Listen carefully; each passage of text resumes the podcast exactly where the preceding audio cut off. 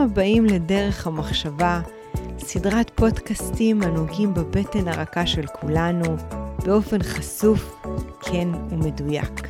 בכל מפגש נדבר על תופעות בטבע האדם ומתוך החברה הישראלית. שלום לכל המשתתפים שבאים אלינו באופן קבוע ומקשיבים לתכנים שמביאים זווית קצת אחרת על מה שקורה פה במדינת ישראל, על, לא רק על טבע האדם, אלא על התופעות הבאמת משמעותיות. והיה לי איזשהו יום שככה גלשתי ברשת ותפס אותי איזשהו סיפור מאוד מעניין, ותכף אני אסביר לכם למה. היום נראה שנורא ברור שאנחנו גרים בארץ ישראל וכיף לנו ונעים לנו ובטוח לנו אנחנו נכון שבאנו מכל קצוות תבל ואנחנו תימנים ואנחנו אשכנזים ואנחנו באנו בעצם כמעט מכל פינה בגלובוס אבל עדיין יש משהו שלא כזה ברור הבחור שתכף אני אדבר איתו הוא נלחם היה לו מאוד קשה לבוא ולהיות חלק מארץ ישראל והסיפור שלו הוא זה שמביא את העשייה כל כך חשובה ומהותית שלו. והלא מיכאל לובוביקוב, שלום. תקשיב, אני תרגל, תרגלתי את השם שלך. אתה גם אדריכל, אתה גם רב סרן במילואים עם אה, אנרגיות כאילו הרגע התגייסת. אתה היית מסורב עלייה. אתה, יש לך כרגע יו"ר פורום אה, ישראל 2030 שתכף נדבר על זה. כל כך הרבה קוראים, אתה גם מרצה באוניברסיטה. איך הגעת לכ... אה, קודם כל אני תכף אדע איך עושים הכל, אתה תכף תסביר לי, אבל מנער סובייטי לציוני? מה, הרי להיות ציוני חייבים להיות מסורבי עלייה?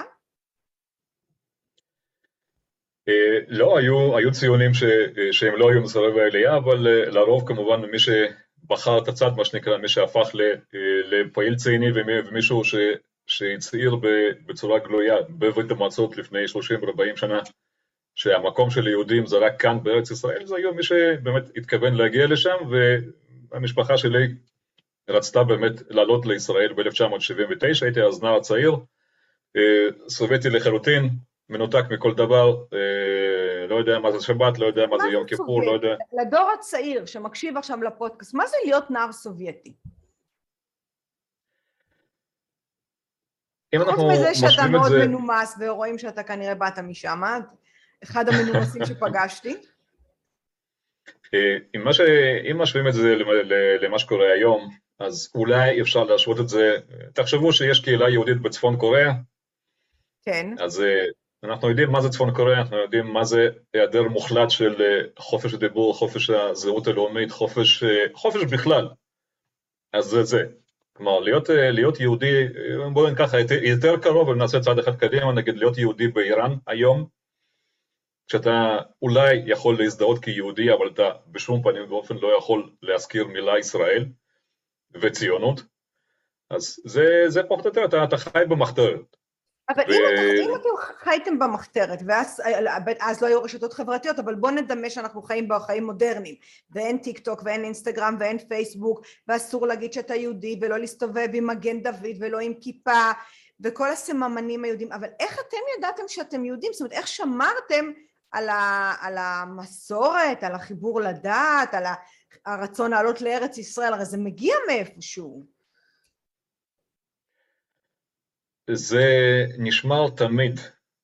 איכשהו, כשאתה מסתכל היום, כשאתה מדבר עם, ה, עם היהודים ש, שעלו מברית המועצות, לפני 50 שנה כשהתחילה העלייה, או אלה שבאים היום, איכשהו זה תמיד היה, איפשהו ב, בעורף, בזיכרון, הסיפורים של הסבתא וה, ומשהו ש, שהם שמעו אה, אה, מאבא, ואצלנו זה היה יותר פשוט.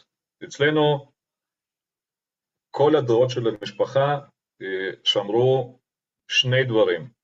כן. אחד זה היה אה, סידור של אה, יום כיפור ושל ראש השנה של סבא רבא. באמת? סידור? בווילנה, שהודפס, שהודפס בווילנה ב-1897. וואו. וזה אה, זה היה, זה היה הדבר העיקרי ביחד עם הטלית שלו, שסבא רבא שלי ביקש מסבא שלי כשהם, כשהם ברחו מהגרמנים. כשהם נסעו ב, ב, ברכבות לתוך רוסיה ב-1941 וברחו משם, הוא ביקש ממנו לקחת ולשמור מכל דבר אחר, לשמור על הסידור ולשמור על הטלית. ולצערי... כן, סליחה. כן, לא, לא, לא, אני אומר, לצערי סבא, סבא רבא שלי לא שרד את, ה, את כל הסיפור הזה, אנחנו לא יודעים איפה, איפה הוא נקבר, אנחנו לא יודעים איפה הקבר שלו, אבל הסידור נשאר, שמרנו אותו, וביחד עם הסידור שמרנו, שמרנו מסמך טיפה יותר מודרני מה, מהסידור של 1897, מסמך מ-1906, mm-hmm. אה, אה, זו תעודה ש... שסבא רבא שלי קיבל מקרן קיימת לישראל על התרומה שלו לרכישת קרקע בארץ ישראל. כלומר, זה היה מסמך, תעודה אמיתית שהוא, שהוא קיבל ב-1906, שהוא uh, תרם סכום כסף מכובד ל, uh, לרכישת קרקע ברמת הגולן. ברמת הגולן, אוקיי, אני ברמת הגולן עכשיו, הגולן, כן. אז יש מצב שאני מסתכלת על הנכס של סבא רבא שלך. אז, אז בעצם, בעצם מה ש... הדבר היחיד שנשמר זה הדיבור המשפחתי, הסידור והטלית, ומשם היית נחוש, היה בך איזה סוג של פטריוטיות להגיע לארץ ישראל, והנה היום אתה נמצא פה עם משפחתך, מרצה, ומקדם בעת, ברוך השם לגמרי, מקדם את, ה, את הערך שעליו גדלת, הציונות. נכון. נכון? אז בואו נדבר על זה רגע. אתה בעצם, בעצם אנחנו, אתה יודע מה, בוא, בוא נלך להיות, בוא נהיה כרגע אקטואליים. אנחנו נמצאים עכשיו במשבר, נכון? יש לנו מלחמה בעולם, ואני שומעת, וגם במקרה בבוקר ראיתי אותך גם בערוץ החדשות יושב בפאנל, ומדבר על העלייה. בואו נדבר על זה שנייה אחת, העלייה מאוקראינה שהולכת להגיע. תספר לי קצת איך אתה רואה את זה, האם אה, זה נכון להכניס אה, כמות של לא יהודים, אה, כן יהודים, איך צריך אה, להתגבר על המכסות, קצת בראיית עולמך. קודם כל בואי, אה, בואי ניגע בנושא של, של הלא יהודים.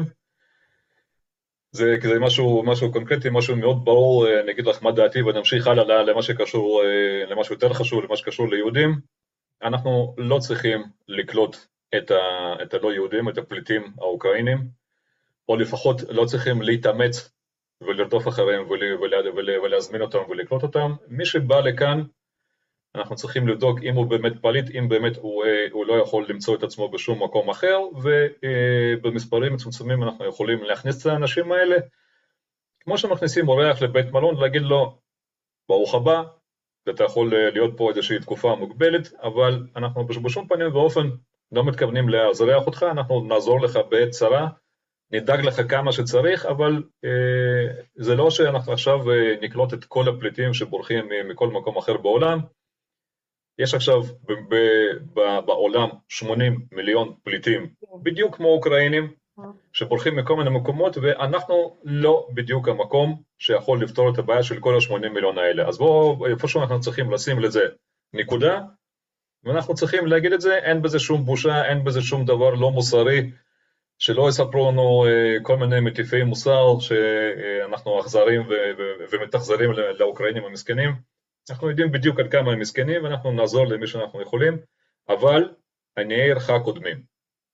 אבל, ו... אבל הטענה שתבוא בטוח, ואני בטוחה שאתה שומע אותה השכם והערב, שגם אנחנו היינו פליטים, הרי המדינה הזאת היא קמה על פליטים, הרוב הגדול, העלייה הגדולה הגיעה אחרי מלחמת העולם השנייה, אז למה היום, ואני, ואני אומרת טענה שהיא, שהיא מקוממת הרבה מאוד אנשים, למה אנחנו לא יכולים לעזור לפחות בכמות מסוימת, בסדר?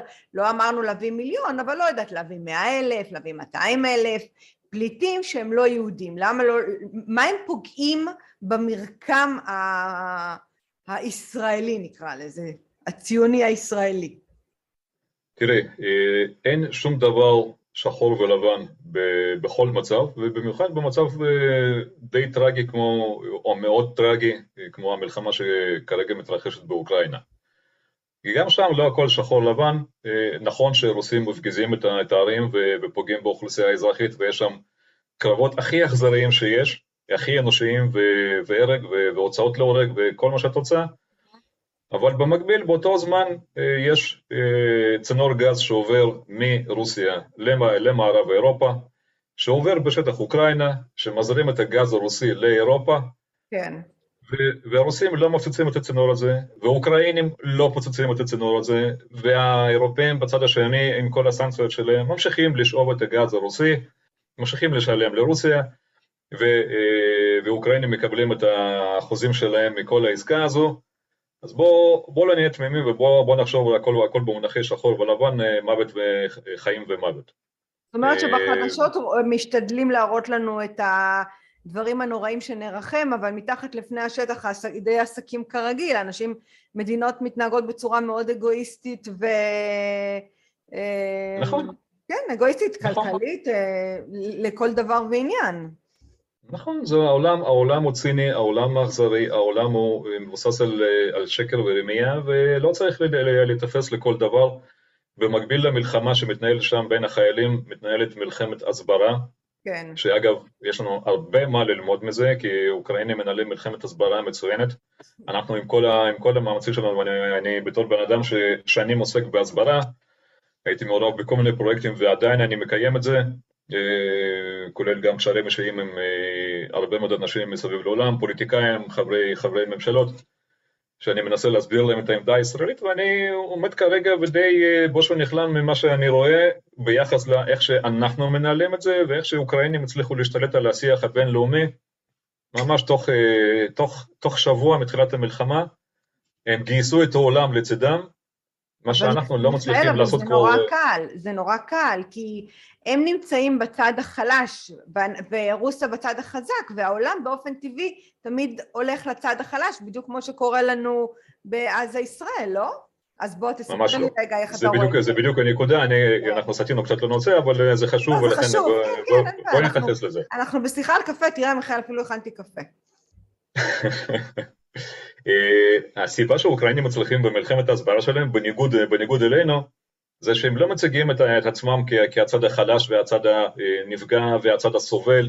נכון שזה קורה, אבל אנחנו דווקא עצרנו בשלב הזה, ואנחנו, כל, כל, כל מלאכת ההסברה של ישראל היא מבוססת על להגיד, הנה כמה פוגעים בנו, כמה אנחנו מסכנים, כמה טילים מכוונים אלינו וכמה אה, כמה פיגועים היו כאן וכמה רצחו לנו, אנחנו מביאים את האוטובוס המפוצץ לניו יורק ולז'נבה ואנחנו אה, אה, מספרים כמה דם נשפך פה. אוקראינים גם מספרים את זה, אבל הם, המיתוס המרכזי, הסיפור המרכזי שהם מוכרים במרכאות לעולם, כן.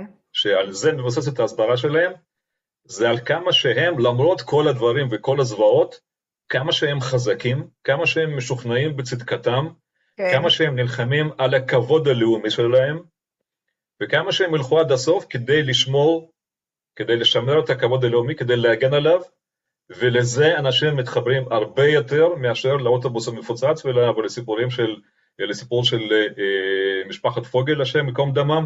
כן. אגב, היום, היום זה יום, ה, זה בדיוק התאריך של, ה, של הטבע של משפחת פוגל באיתמר. באמת? אוי. כן, כן. אנחנו מדברים, אנחנו מדברים ב-11 במרץ, זה התאריך הלועזי, התאריך העברי היה לפני יומיים, אה, אנחנו זוכרים את זה, אה, אבל אם אנחנו היינו מספרים ביחד עם זה שרצחו לנו משפחה שלמה עם תינוקות ועם הכול, אנחנו היינו מספרים שלמרות הכל, אנחנו כן יושבים באיתמר, אנחנו כן נאחזים בארץ ישראל כי זה ארץ אבותינו, וזה, ושלא יספרו לנו על כל הסיפורים על הכיבוש ועל דיכוי ועל כל, ועל כל הסטיגמות האלה, שזה ארץ שלנו בזכות, ושאין לנו ארץ אחרת, ושאנחנו נהיה כאן, לזה היו אנשים מתחברים, ואני זוכר, אם, אם אני זוכר, אה, או לפחות מה שנקרא, נשווה מצבנו היום למצב של ישראל אחרי 1967, כן. כשאנחנו כביכול הפכנו לכובשים ול, ולמדכאי העם הפלסטיני וכל שאר הדברים, mm-hmm. דווקא אז ישראל הייתה בשיא הפופולריות בעולם, היינו הכי הרבה אהדה, מאוד הריצו אותנו, כי אנחנו כן היינו הדוד שנלחם בגוליית, וכן הצליח להגן על החיים ולהגן על הכבוד הלאומי. אם אנחנו נשמור על הכבוד, אם אנחנו נגן על הכבוד, אז גם יכבדו אותנו, ואם לא נעשה את זה, אז גם, גם, גם אף אחד לא יכבד אותנו, כי לא מכבדים את החלשים. א', א', נכון, אני מסכימה שזה זה, זה אולי באמת מעבר לחלשים וחזקים, אלא העניין של הכבוד הלאומי, שיש קולות נכון. כאלה, אני כן חושבת שיש היום קולות בארץ שהם מאוד ברורים, אה, שהם אה, ציונים ושהם אה, מחוברים לארץ אבותינו ומבינים את החשיבות לשמור על שטחה, אבל באותה נשימה יש קולות אחרים לגמרי, אני לא יודעת להגיד היום באחוזים, אבל, אבל בעצם מה שאתה בא ואומר, תקשיבו, אנחנו איבדנו באיזשהו מקום את הכבוד הלאומי שלנו, ואולי אם לא איבדנו, צמצמנו אותו מאוד, ואני חושב שאם אנחנו לא נחזור לזה, אז אנחנו נאבד את המדינה. האם זה נכון? זה, זה בעצם התפיסה שלך? חד משמעית. ו... חד משמעית, כי ה... כן. ה... ה... סליחה, מה? ול, ולזה אתה מחבר בעצם את כל העשייה, ותכף נדבר על, ה, על, על החיבור שלך לעלייה ולרצון שיגיעו עוד יהודים, כי כנראה זה חלק מההעצמה וההשתרשות של הערך הזה במדינת ישראל כדי לחזק את מעמדה. אני מניחה שזה נכון, העשייה שלך. נכון. זה, בעיניי זה, זו המהות של, של הציונות, כי ציונות למעשה אה, קמה אה, לבסס באמצעים מודרניים, אבל תכלס, אנחנו נסתכל, אין, בציונות אין שום דבר חדש. כן. אנחנו אה, בסוף כל, כל תפילת יום כיפור ובסוף בסוף תפילת הנעילה, ובסוף סדר פסח אנחנו אומרים פעמיים בשנה, לשנה הבאה בירושלים הבנויה מזה אלפיים שנה.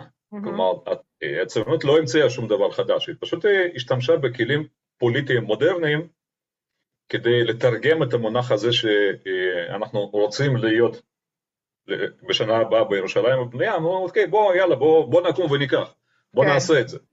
זה, זה הכל, זה, זה, לא, זה, לא, זה לא big deal, בוא ניקח, אבל אה, זה נועד קודם כל לא רק להביא אותנו לירושלים הבנויה, אלא לבוא לירושלים ולבנות אותה כעם גאה, כי אה, די, השפילו אותנו, אה, רמסו את הכבוד הלאומי, כי זה הגיע עד למצב שבאמת אי אפשר לסבול את הרמיסה של הכבוד הלאומי, שהצעד הבא זה כבר מה שנקרא שמחסלים אותנו פיזית, ולכן ציונות, הציונות כתנועה מודרנית קמה כדי להציל את הכבוד הלאומי, להציל את הזהות הלאומית ולעשות את זה על ידי זה שאנחנו חוזרים לארץ ישראל, כלומר על ידי הקיום, הקיום הפיזי שלנו בארצנו, כי זה המקום היחידי שבו החיים והכבוד יכולים להתקיים בצורה, בצורה מרבית.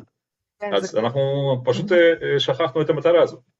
זה כמו ששמעתי אה, באחד, שמעתי איזושהי הרצאה מאוד מעניינת, שכשהיינו בגולה אז אה, דבקנו בסממנים בצורה מאוד מאוד חזקה ויותר אה, בטקסיות וכשבאנו לארץ ישראל, כשיהודי נמצא בארץ ישראל עצם הנוכחות שלו על האדמה הזאת הוא כבר מרגיש יהודי והעובדה שאנחנו זונחים את הסממנים, את הטקסיות, זה לא בהכרח שאין לנו את הערגה ואת החיבור ליהדות.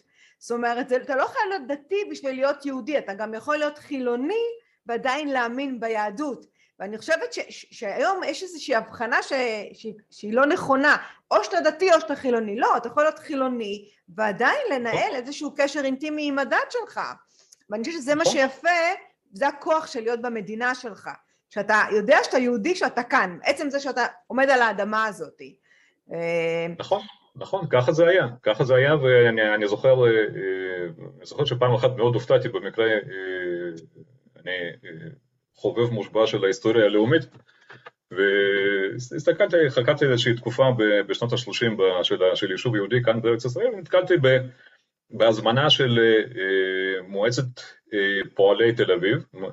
כאילו מועצת הפועלים של תל אביב, הזמנה לקבלת שבת מסורתית, הסתבר שמועצת הפועלים של תל אביב, עם כל הפטיש והמגל, עם כל הדגל האדום ועם כל שירת האינטרנציונל והכל, הם קיימו באופן קבוע קבלות שבת, כי הם ראו את עצמם כ- כיהודים, כי הם ראו את זה עם עוד פעם, עם כל, הם היו חילונים, עם הכל, אבל הם, הם, הם שימרו את, ה, את הנפש היהודי ואת, ה, ואת ה, את ה, מה שנקרא, את הכבוד כן. לזהות הלאומית. דרך אגב, שזה היום... אנחנו לא, לא כל כך מצליחים לעשות היום. אני מאוד מסכימה איתך, כי היום... אה... יש אנשים שבוחרים בצורה יזומה לא לרשום את הילדים שלהם לגנים שעושים קבלת שבת, זאת אומרת חלק מהקריטריונים שלהם זה לא להירשם לאותו גן ש... אני יודעת, ממלא כל מיני דברים טקסיים מהדת כמו קבלת שבת, אני חושבת שמהפחד של ההדתה, למרות ששוב פעם, אני לא חושבת שאם אתה שומר על הסממנים האלה זה הופך אותך לדתי, אתה עדיין יכול להיות חילוני ולשמור את הקשר הזה. אבל אני רוצה רגע להתקדם לעניין של העלייה, כי נדבר רגע על, העלי, על העלייה מרוסיה, הייתה לנו עלייה מאוד מסיבית בשנות התשעים, אני, יש לי חברים מהעלייה הזאת, שאחוז לא נכבד, די מכובד מהם, דרך אגב, עזב אחר כך, אם אני לא טועה, בסביבות המאה החמישים אלף, הגיעו ארבע מאות ועזבו מאה חמישים, הם, הם לא הסתגלו, הם לא הצליחו כנראה להיות חלק מה, מה, מה נקרא לזה, הכור היתוך הישראלים, לא שאבו אותם פנימה מספיק. אז בכמה מילים על, על העלייה הזאתי, ומיד לשם את ההכנה שלך ואת ההתכוננות שלך לעלייה הבאה, אם יש, ואם כן, ומתי זה קורה, ומה צריך לעשות למענה. העלייה, העלייה, העלייה הרוסית נקרא לזה ככה, העולים היום מאוקראינה מאוד לא אהבו את המונח הזה, ובצדק, אבל מה לעשות זה עלייה, מה, מה שנקרא מהאימפריה הרוסית דאז שלמעשה הולידה את הציונות, הרי הציונות התחילה שם, אחרי, אחרי הפוגרומים בסוף מאה ה-19 התחילה משם, והרצל רק אימץ את המונח הזה שהציונים הרוסים כבר, מה שנקרא, חנכו אותו כבר עשור לפניו. ציונות רוסיה שם, כאילו השתמרה איך כל אחד, כמו שאמרתי, כמו שזה היה במשפחה אצלי, שמרו את זה, עד בערך 1967, מלחמת ששת הימים, שזה היה מה שנקרא ההתפרצות של הגאווה הלאומית בקרב יהודי רוסיה, הם ראו מה ישראל הקטנה וה, והחלשה והמותקפת מכל הכיוונים יכולה לעשות, זה היה רגע של התפרצות הגאווה הלאומית, בו זמנית נפל מסך הברזל, הופסקה לגמרי העלייה מברית המועצות, ואז התחיל, התחילה פעילות של המחתרת הציונית בברית המועצות, שגרמה לכך שב-1970 נפתחו השערים קצת, כן. והתחילה העלייה. Mm-hmm. והיא עד היום התנהלה בשלושה מהלכים, היה מהלך של שנות ה-70 וה-80, שזו הייתה העלייה הציונית, כי מי שרצה להגיע לישראל זה היה אנשים שהגיעו מתוך מניעים ציוניים, כי היה אז אפשר לבחור, מי שהיה יוצא מברית המועצות היה מגיע לתחנת מעבר באמצע, כן. היה בוחר או לישראל כן. או לארצות הברית. כן. ו-90 אחוז נסעו לארצות הברית. כן. ורק עשרה אחוז הגיעו, אה, הגיעו לישראל. אני הייתי ממש בסוף התהליך הזה, אה, כמו שאמרתי, ב-79 ניסינו, לא הצלחנו, היינו תשע שנים מסורבי עלייה, ב-1988, מה שנקרא, אה, שחררו אותנו והגענו שנתיים לפני העלייה הגדולה, ואז ב-1990 מסך הברזל התפרק ובאה עלייה שהייתה בחלקה עלייה מתוך רצון להיות במדינת ישראל, אבל ברובה הייתה אה, סוג של הגירה מברית המועצות. כן. אה, והגיעו הגיעו אנשים, הגיעו אה, מתוך זה שהם פשוט לא רצו להיות שם, אבל הם לא ידעו לאן הם נוסעים. כן. ו- ולכן חלקם גם לא הצליחו להתאקלם בארץ, חלקם לא הצליחו להתקבר, להתחבר מה שנקרא, לאתוס הציוני. כן.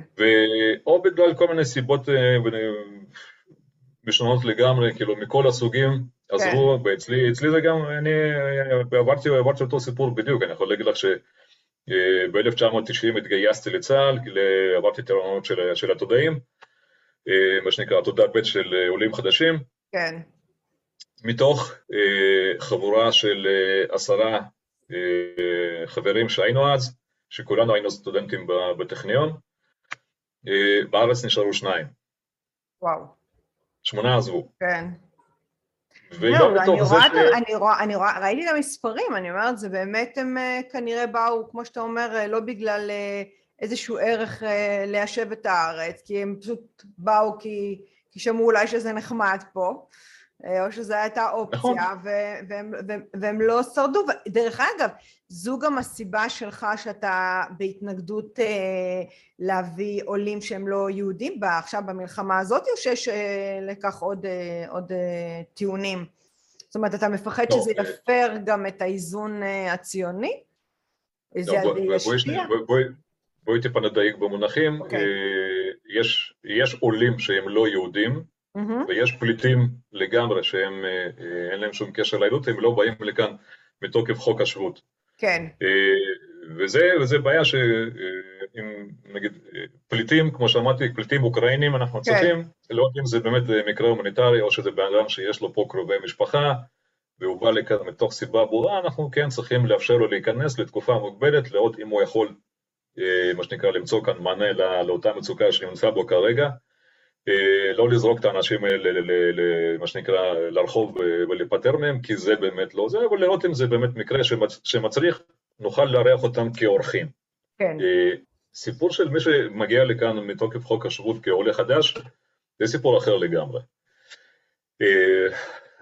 רוב העולים, כמו שאמרתי, כל מי שרצה לעלות לישראל מתוך ציונות, או מתוך איזשהו רצון לחיות בישראל, יכל לעשות את זה כבר לפני 50, 40, 30, 20 שנה. כן. העלייה, כמו שאמרתי, נמשכת כבר 52 שנים. מי שבא עכשיו זה אנשים שעד לפני שבועיים לא חשבו בכלל למדינת ישראל, כמעט ולא הכירו את מדינת ישראל, שמעו שיש להם אולי קרובי משפחה, אולי ביקרו, ביקרו כאן לאיזשהו אה, אה, טיול נחמד ב, אה, בין, אה, בין כנרת לאילת, ועכשיו הם באים לכאן כי, אה, כי מגיע להם מתוקף חוק השבות, אבל הם לגמרי רחוקים מלראות את עצמם כישראלים. כן. וכאן זה הדילמה שלנו, זה האתגר שלנו כחברה ישראלית, גם חברה אזרחית וגם הממשלה שמנהלת פה את העניינים, אני מקווה. כן. אה, אנחנו צריכים להחליט, או שאנחנו רוצים לא רק מה שנקרא להכניס את האנשים האלה ולהגיד, או יו איזה יופי, הגיעו לכאן יהודים, תכף אנחנו נכניס אותם, נדאג להם, נדאג להם לדיור, נדאג, נדאג להם אה, לתעסוקה והכל יהיה טוב ויפה. זה לא, זה לא המצב. אוקיי. Okay. האנשים האלה הם לא מכירים את ישראל, הם לא מבינים בדיוק את, ה, את החיים כאן, הם לא מבינים את הסכסוכים ואת הוויכוחים ואת כל, ה, כל הבעיות שאנחנו מנהלים את הוויכוחים בינינו כאן, כן. עד אה, מה שנקרא, עד המכות. עד זוב דם. אה, עד זוב דם לגמרי. עד זוב דם אלקטורלי ברמה של טבח אלקטורלי. אה, אבל כלומר, הם לא שם בכלל. כן. ואנחנו צריכים להבין שזה, שזה אתגר, עוד פעם, וזה לא, אה, לא כמויות אה, קטנות, אה, אנחנו מדברים על מצב שיגיעו לכאן עשרות אלפים או אולי מעל מאה אלף אנשים. אגב, גם מאוקראינה... באיזה פרק זמן? באיזה פרק זמן צריך להגיע... אני מאמין שבמהלך של שנה, שנה וחצי הקרובה. שנה, שנה וחצי בסביבות המאה אלף? זה יכול להגיע כן. למספרים האלה. כן. כי, כי, כי יש, יש עשרות אלפי יהודים זכאי, זכאי עלייה גם באוקראינה וגם ברוסיה, אנשים בורחים גם מרוסיה. כן, כן. ואנחנו צריכים, אנחנו צריכים להיות ערוכים לזה, אנחנו צריכים להעריך נכון את, ה, את, מה ש, את התופעה איך, שאנחנו כרגע רואים. איך, איך, איך, איך נערכים לכבודם? מה, מה, מה חשוב? הרי כמו שזה נראה כרגע בחדשות הולכת להיות, אה, לא, המעברות חוזרות שוב פעם, דוחסים אנשים לתוך מבנים וכנראה אה, אה, דברים שגם יוצרים איזשהו סוג של תסכול, אז איך מתכוננים? זה גם, זה גם מחדל ש, שמוכיח שאנחנו לא לומדים מהטעויות ומה שנקרא, זה הולך לפי העיקרון שזה אף פעם לא קרה לנו והנה זה קורה שוב. כן. היה, היה אפשר לצפות שזה יקרה, היה אפשר להניח שזה קורה, ואפשר היה אה, להיערך שזה קורה, וברוך השם אנחנו יודעים להיערך, אנחנו אה, צבא שמבוסס על אה, צבא מילואים, אנחנו יודעים שאנחנו אה, יכולים תוך אה, פרק זמן של ימים, במקרה של מלחמה, מלחמה קיומית, לגדול מסד"כ של, של צה"ל בסדיר של אה, נגיד 150 אלף חיילים לחצי מיליון חיילים, כן. כי יש לנו ימ"חים, יש לנו בסיסי ציוד, יש לנו מפקדים, יש לנו מערכת שמתגייסת, מתחיילת והופכת כן. לצבא תוך uh, שעות. כן. עכשיו, אותו דבר אנחנו צריכים לשמור, והיינו צריכים לשמור גם לטובת העלייה. כי uh, מדינת ישראל הוקמה כדי לקלוט את עם ישראל, להביא אותו מהגלות אל הבית הלאומי שלו, וכל עוד יהודי אחרון נשאר בגלות, אנחנו צריכים להיות בתהליך הזה. כן. אנחנו כרגע בקושי באמצע הדרך, רק, רק חצי מעם ישראל חי כבר בארץ ישראל, וחצי השני עדיין שם, והוא הפוטנציאל של העלייה, וברגע שאתה חושב שיש לך עוד לפחות שישה מיליון יהודים שאולי יעלו, כן. אז אתה צריך להיות מוכן לקלוט לפחות עשרה אחוז מזה. אבל מיכאל, השאלה, השאלה שלי כזאת, פה בסדר, פה אני יכולה להבין, הם מגיעים כי יש מלחמה, אפשר להבין את הסיבה. אבל השאלה אם נעשים תהליכים יזומים או מעשים יזומים או כדי להביא אותם אלינו, כדי לקנות אותם, כדי לעשות איזשהו יח"צ ובאמת תהליך אקטיבי, חריש עמוק, כדי לעודד את היהודים בגולה, בפזורה להגיע חזרה אלינו. מהמקום שאתה נמצא, יש, יש, יש עשייה כזו? לעודד אותנו? לעודד אותם? יש, יש עשייה כזו שהיא לא מנוהלת והיא לא... אה, אין מישהו שמנצח עליה מבחינה לאומית. יש מאמצים של... יש שליחי עלייה, יש אה, שליחים של הסוכנות כמעט בכל הקהילות, יש אנשים שמעודדים בין הם בצורה יזומה, בין הם מה שנקרא מתחת לרדאר, כמו שזה היה כן. נגיד ברוסיה, כי ברוסיה אי אפשר לעודד עלייה, זה, זה כן. מנוגד לעקרונות המשטר ולכן עושים את זה בצורה מאוד מאוד מאוד מאוד אה, עדינה ובכפפות של משי, במקומות אחרים זה הולך בצורה אה, הרבה יותר, לא רוצה להגיד אגרסיבית, אבל הרבה יותר פעילה. פעילה, כן.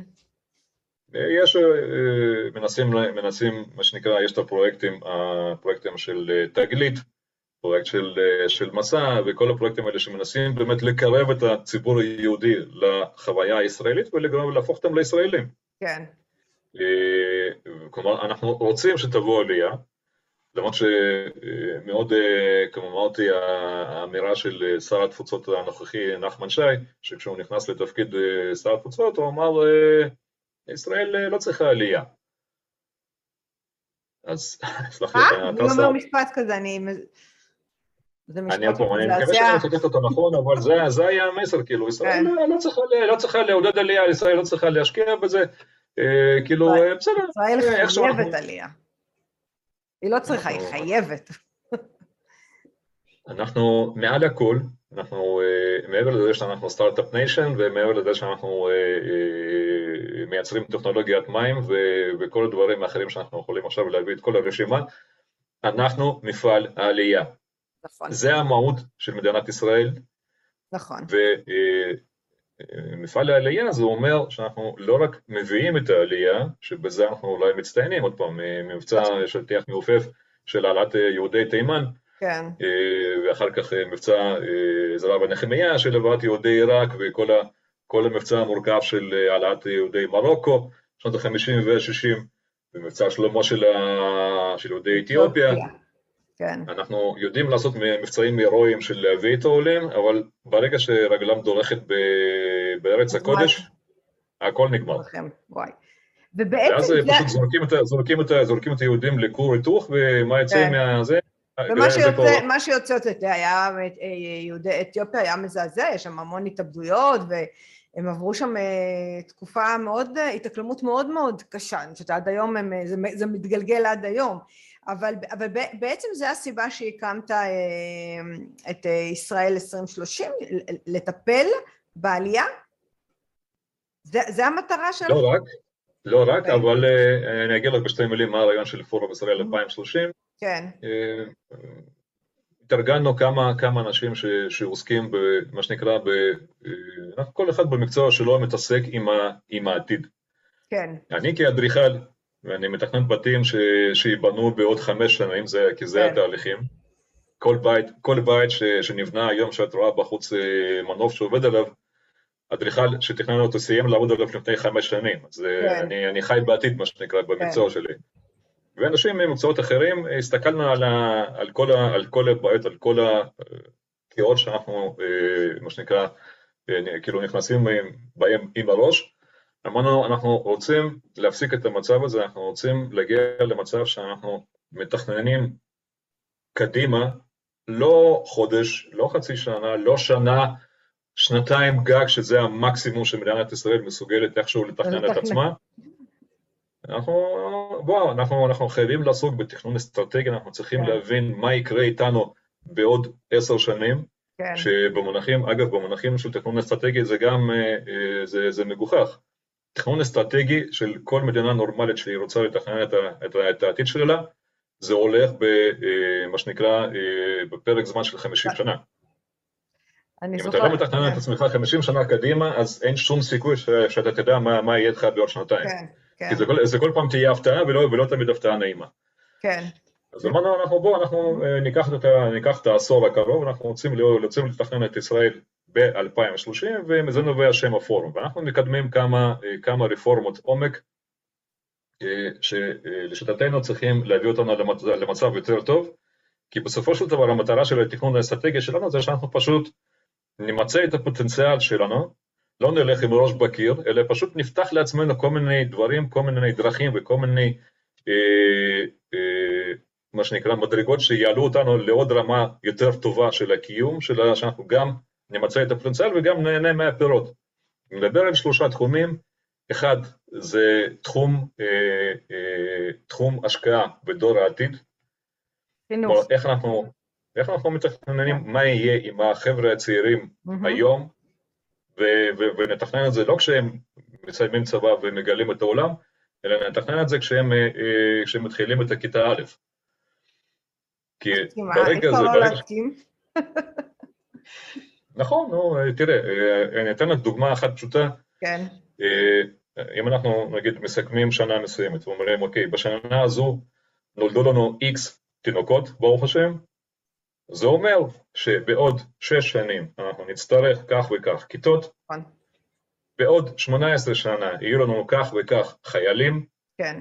בעוד, בעוד 23 שנים אנחנו יהיו, נקבל כך וכך סטודנטים, ויהיה לנו סך הכל האוכלוסייה שאנחנו נצטרך X רופאים, Y מורים, אה, וכך הלאה וכן הלאה, ואז אנחנו לא נגיע למצב שפתאום חסר לנו מיטות בבתי חולים, חסר לנו רופאים, יש לנו תור לפה, תור לשם, שאנחנו כל פעם נגלה, אומר, וואי, חסר לי. למה? כי לא, חסר, חסר, חסר לך כשלא, כשלא חשבת על זה, ולא חשבת כן. על זה כי לא, כי לא ציפית שזה יקרה. אבל אם אתה יודע שזה יקרה, אז אתה פשוט לא יכול לטעות. אז לכן צריך לחשוב קדימה. אז לכן אנחנו אומרים, בוא, בוא נשקיע בדור העתיד, בוא, אה, אתה, בוא נתכנן את אתה ה... עכשיו מדבר כל כך כמו חשיבה סובייטית ואל מול מציאות ישראלית שמכבה שרפות ואנחנו עובדים מהרגע להרגע. אז זה יפה איך שאתה מביא בעצם גם את העולמות שלך, שאתה חונכת עליהם, החשיבה הזאת לטווח הארוך של החינוך וחלוקת המשאבים בצורה אה, אה, מדידה ומתוכננת. תראי, זה לא, זה לא סובייטי, זה רוב, רוב העולם אגב חי לפי זה, אני לא מדבר כרגע על... אה, אבל אתה סובייטי, בגלל זה אמרתי. דיברתי עליך, שאתה אה, לא, הבאת לא, בעצם אני איזושהי דווקא- אני חברה. דווקא... לא, הסובייטים זה דווקא זה, זה משהו שונה, יש שם סיפור אחר, אבל אני דווקא אה, מדבר גם במונחים לגמרי של, ה, אה, של הכלכלה ומדעי החברה, דווקא המערביים, אה, שאנשי מקצוע יודעים את זה, אבל זה איכשהו לא מחלחל לעשייה ולחברה ולפוליטיקה, כלומר כן. לתחום של קבלת החלטות. אבל יש, יש מדינות שמתנהלות לפי זה, סין מתנהלת לפי זה סין- ככה, סין- סין מתנהלים ככה. סין ויפן, זה, היכולת שלהם לתכנון היא פשוט מטורפת. אני זוכרת עוד לפני איזה עשור, ישבתי עם איזה לקוח שהוא עובד באו"ם, והוא, אה, אה, אה, לא משנה, הוא ליווה את סין ויפן ואיזה שהם עניינים אסטרטגיים, הוא אומר, זה פשוט לא יאומן, איך הם מתכננים עשורים קדימה, אני מגיע ל- נכון. ל- לישראל, הם כאילו בקושי רואים את היום יום למחרת. הוא אומר, הפערים של התכנון הם לא אנושיים בכלל, הם לא, הם לא הגיוניים, איפה הם נמצאים ואיפה, ואיפה אנחנו. נכון, נכון. אנחנו, מתחברת. כמו שנקרא, עם הנצח שלא מפחד מדרך ארוכה, רק הוא עדיין לא הבין איפה הדרך. אהבתי. אז, כן. אז אוקיי, אז בעצם אז אתם מדברים על המסלול של החינוך, ואיזה עוד שני מסלולים שהם חשובים לכם? המסלול הנוסף הם קשורים אה, אה, להבטחה הפיזית של הקיום הזה. אחד, זה השטח, הרי ציונות אמרנו זה זה ארץ ישראל, אנחנו צריכים להבטיח שיהיה לנו קרקע מתחת לרגליים, כן, ולכן אנחנו מקדמים אה, מהלכים של אכיפת הריבונות על, יש- על, על ארץ ישראל, לפחות על ארץ ישראל המערבית, כי אה, בל נשכח שארץ ישראל, שהיינו צריכים לקבל אותה למדינה יהודית, היא כוללת גם את עבר הירדן, כן, כי אה, אה, מה לעשות, אבל אה, אה, אנחנו מאוד אוהבים להצטדק בחוק הבינלאומי וכל זה, אנחנו רק שוכחים שעל פי החוק הבינלאומי שמבוסס על הצהרת בלפור והחלטות ועידת סן רמו והחלטות ועידת ורסאי, שאני מניח שאני מדבר סינית עכשיו ל- להרבה לדור הצעיר כן, לדור הצעיר אתה דיברת סינית, אז אולי נפרק להם את זה, אולי תסביר את זה במשפט, אה, מה זה אומר, משהו פשוט. נכון, מאוד פשוט, ציונים היו אנשים, הם לא היו חולמים, הם לא היו עוזים, הם היו אנשים מאוד קונקרטיים, היו אנשים מאוד מעשיים, היו יהודים רוסים, לצורך העניין. בוא, בוא, בוא נהיה הכי, הכי קונקרטיים שרק אפשר. אנחנו רוצים להגיד ש, שיכירו בזכות שלנו על ארץ ישראל ונתקדם לפי זה. כן. אנחנו רוצים לקבל את זה כאן ועכשיו, מה שנקרא, הכרה בזכויותינו הלאומיים. והם באו והוציאו את הצהרת בלפור שאומרת שכן, אה, אה, אה, דרך אגב, הצהרת בלפור, מה שאף אחד לא יודע, הושגה אחרי ש... הרי מי שהוציא את הצהרת בלפור זה, זה ויצמן, אבל פורמלית, זה פורמלית, כאילו בפועל מי שעבד ל, ל, להצלחה של קבלת הצהרת בלפור היה נחום סוקולוב. כן. ובריטים אמרו שאוקיי, אנחנו ניתן לכם הצהרת בלפור, אנחנו ניתן לכם הצהרה שיש לכם זכות על ארץ ישראל, אם תשכנעו את הצרפתים, גרמנים, איטלקים, רוסים, אמריקאים ואת הוותיקן. ונחום סוקולוב אה, במשך חצי שנה עשה מסע דילוגים בכל העולם, השיג את ההסכמות של כל המעצמות, הביא את זה לבריטים, ואז הם פרסמו את הצהרת בלפור. כלומר, כל העולם הכיר בזכות שלנו על ארץ ישראל, כולל את עבר הירדן. כן. וכשבסוף אה, חילקו את המנדט הבריטי, אז פתאום הסתבר שאמרו, אוקיי, לא, סליחה, אנחנו את עבר הירדן אנחנו ניקח לכם, נעשה שם את, את ממלכת עבר הירדן, ואתם תסתפקו במה שיש פה, כלומר, מה שנקרא, גנבו לנו את ה-77% ממה שהיה צריך להיות שלנו. אגב, זה קרה בדיוק לפני 100 שנה, אה, ביולי 1922. אה, כן, לא, אני רק אני יודעת את הפרעות שהיו אחרי זה, עשר שנים אחרי זה, שהיו פרעות נוראיות עם הערבים בארץ ישראל בשנות ה-30. נכון, כן. זה ב-1929, כן. נכון. לא, הפרעות, הפרעות הראשונות היו ב-1920, אחר כך ב-1921, כאילו. אה, ואז ב-1922... אוקיי, אני זכרתי ב-30, אוקיי, בסדר. כן, כן, לא, יש ב-1920, 1921, הפרעות, כאילו, מה שנקרא, הופעת בכורה של השייח, המופתי הירושלמי, חאג' אמין אל-חוסייני, שהוביל את הפרעות, וזה התחיל מאז, ואז, דרך אגב, יצא גם הספר, הספר הלבן הראשון של הבריטים, שאמר, אוקיי, טוב, סליחה, אנחנו אמנם נתנו לכם את הצהרת בלפור, אבל לא בדיוק התכוונו, ו... שבו רגע בשקט, אנחנו לא, לא עלייה, לא, לא ארץ ישראל ולא כלום, רגע בואו, חכו, בואו בוא נראה. וחיכינו עד שבסוף זה יסתיים בשואה. כן. אה, כי פשוט הם לא נתנו ליהודי אירופה להימלט משם ולהגיע לכאן. מי, ש, מי שאשם, ולכן מי שאשם בשואה וברצח כן. אה, של שישה מיליונים זה בריטים לא פחות מגרמנים. Mm-hmm. בואו בוא נכיר בעובדות. אבל נעזוב רגע את ההיסטוריה, אה, אני אומר, נחזור לעתיד, ל-2030. כן. כן, אז יש לנו, בחינוך יש לנו את השטח, על עקיפת הריבונות. השטח, הריבונות על השטח, שאנחנו נבטיח את, את, את הקיום הפיזי. כן. והתחום השלישי זה אה, רפורמות טכניות בתוך שיטת הממשל, כדי שאנחנו, אה, אחרי שאנחנו אה, הגדרנו את היעדים, שיהיה לנו כלים יעילים להתקדם בזה, כל, ה, כל הייעול של הבירוקרטיה שלנו, שחונקת כל דבר חי וזז שקיים פה במדינת ישראל, כל מיני פערים ופגמים באיך שהמדינה הזו מתנהלת, גם ברמה של הממשל וגם ברמה של הניהול הכלכלי. כי יש פה הרבה מה לשפר, גם ברווחה, גם, גם לדאוג לחלשים, אבל גם לעודד אותם וגם איך לפתח את הפוטנציאל שיש לנו, כי כרגע אנחנו עושים הכל כדי לדכא אותו. סליחה כן, שאני פיסימי. לא, אבל בירוקרטיה, אני מסכימה, בירוקרטיה היא מאוד קשה במדינה. אז בעצם יש לנו את עקיפת הריבונות, את החינוך ואת הלחימה בעצם בבירוקרטיה, להקל על האנשים אה, בכל השכבות אה, להתנהל מול המדינה. כן. אני חושבת שיש לכם פה חתיכת משימה. אה, לא פשוטה, זה קצת, אה, זה קצת, זה כאילו, בתחושה שלי זה קצת לחזור אחורה אה, לקום המדינה ובאותה אנרגיה ובאותה נחישות ובאותה פטריוטיות קצת להחזיר את מה שהיה שנשכח ולא לא סתם אמרת שהחינוך באמת זה הדבר הראשון והחשוב. נכון. וההכנה באמת של העולים החדשים. אמ, ואתה יודע, אפשר לפרק את זה עוד הרבה, אבל אני ככה, מי שמקשיב לנו, אה, אנחנו כבר אפילו גלשנו מהזמן כי זה היה מאוד מעניין, אבל, כן. אבל מה היית נותן כאילו איזשהו, איזשהו טיפ או איזשהו אולי אפילו איזשהו ספר לקרוא, איזשהו משהו שמישהו מקשיב לפודקאסט והוא קצת יותר מתחבר לאג'נדה הזו שלך, לנרטיב, ל, ל, זה, זה אפילו לא שלך, זה של הציונות, אתה רק אה, עוד אה, זרוע שעוזרת לה להמשיך ולהתקיים. גם, גם מבחינת הדור הצעיר, מה היית אומר? לדור הטיק טוק, איך היית אומר לו להתחבר קצת לציונות, לאדמה, לארץ אבותינו? מה היית מציע לו? הייתי מציע דווקא לא, אה, לא ללכת עכשיו לקרוא, כן. אה, למרות שאני חצית, חצית של קריאה ואני חי עם ספר ביד. אה, באיזה שפה אתה קורא? אני קורא ברוסית, בעברית ובאנגלית. שלוש השפות באותה, באותה רמה. אוקיי. אני קורא גם קצת באנגלית, סליחה, באיטלקית, אבל זה כבר מה שנקרא סיפור אחר. אני חושב שהכי טוב, אם אנחנו רוצים להתחבר להוואי הלאומי, השורשי, זה ללכת ולעסוק במשהו מעשי.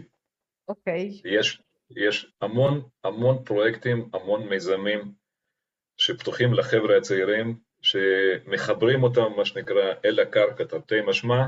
Mm-hmm. יש אה, מלא עמותות, אני, אני יכול להביא לך, אה, מה שנקרא, בלי לפרסם אותם.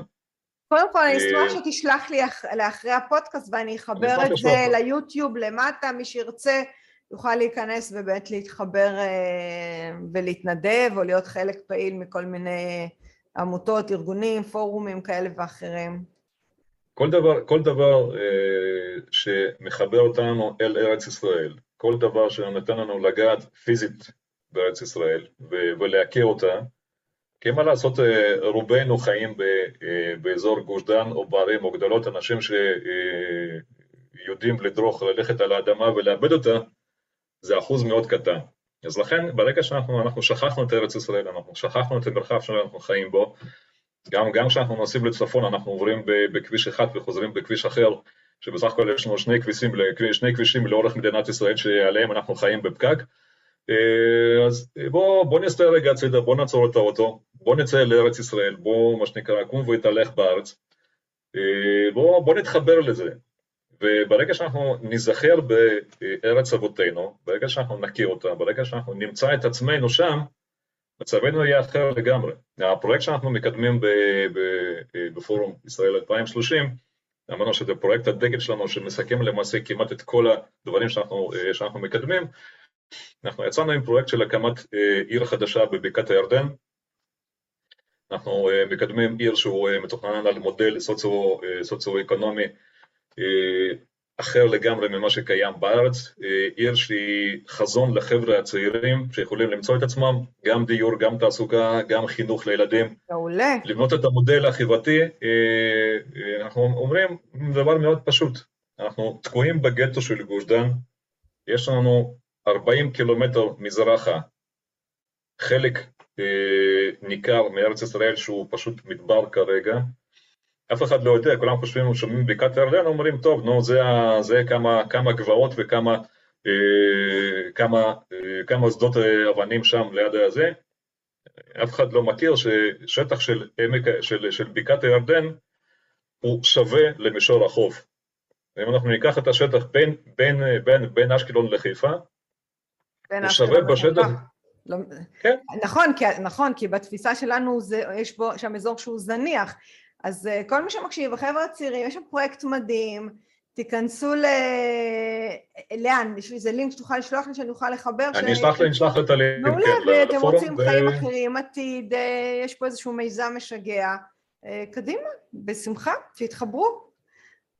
בשמחה, אני אשמח, אשמח לספק פרטים ולספר מה אנחנו עושים, אנחנו מתכננים במהלך אה, חודש, אה, חודש ניסן כמה פרויקטים תחת כותרת אה, חודש הכבוד הלאומי של התחברות לארץ ישראל, התחברות, התחברות לעשייה, ו... אבל בגדול התחברות לעצמנו, כי זה שלנו, זה אנחנו, זה אנחנו, אנחנו שם, אנחנו וארץ ישראל, זה משהו, זה, זה, זה, זה גוף אחד, אנחנו פשוט לא יכולים להפריד בין, בין אחד לשני, אנחנו צריכים רק להיזכר ולמצוא את עצמנו שם. אני חושבת, מיכאל, זה, זה סיומת מדהימה, זה להיזכר מי אנחנו, להתחבר לארץ ישראל. אני אחבר את כל הלינקים uh, ליוטיוב, שאנשים יוכלו גם uh, להצטרף. מיכאל, המון המון המון תודה לך. תודה רבה ושבת שלום, ובאמת, רק בשורות טובות לכולם. תודה. זה היה פרק נוסף של דרך המחשבה. כל הפרקים זמינים באפליקציות הפודקאסטים, בערוץ היוטיוב ובפייסבוק. אם עדיין לא הצטרפתם, זה הזמן. להרצאות בנושא חשיבה יצירתית, חדשנות, יזמות, אסטרטגיה רגשית ומדיטציה, מוזמנים לפנות אליי ישירות לאופיס שטרודל שירן רז דוט קום. אני שירן רז, ואהיה איתכם גם בפרק הבא.